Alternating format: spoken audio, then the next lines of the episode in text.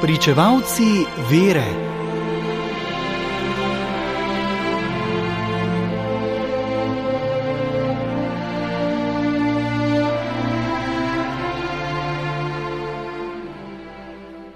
Danes goduje sveti Tomaš Kvinski, dominikanec, crkveni učitelj iz 13. stoletja. Njegov oče, manjši feudalec, je želel, da bi Tomaš postal opat bližnje sloveče benediktinske opatije Monte Cassino. Zato ga je komaj petletnega dal tja v šolo k menihom in bistrega dečka so hitro poslali v Neapelj, da bi študiral na tamkajšnji univerzi. V Neaplju je Tomaš spoznal brate Pridigarje, ki se po svojem ustanovitelju, svetem Dominiku, imenujejo Dominikanci.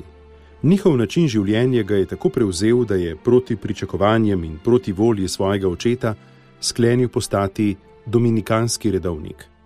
Njegovi predstojniki so brž opazili, da je Tomaš izredno bistrega in globokega duha in poslali so ga v Pariz, da bi tam nadaljeval študije. Na teološki fakulteti Pariške univerze je predaval sveti Albert iz Kelna.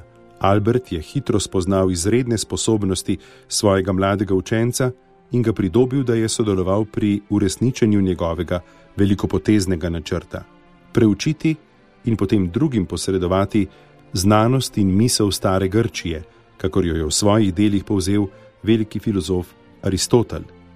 Znameniti so njegovi razumski dokazi za božje bivanje. Tako je nastala filozofija svetega Tomaža, imenovana tudi Tomizem, ki jo je katoliška crkva sprejela kot uradno filozofijo za svoje bogoslovne šole.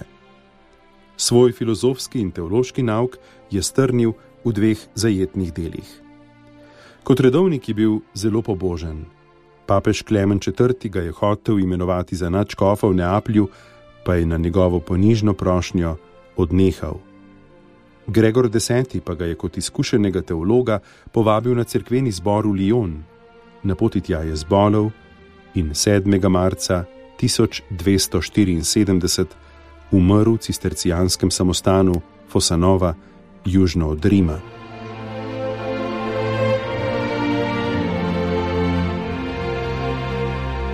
Brali smo iz knjige Svetnik za vsak dan, ki jo je napisal Silvestr Čuk.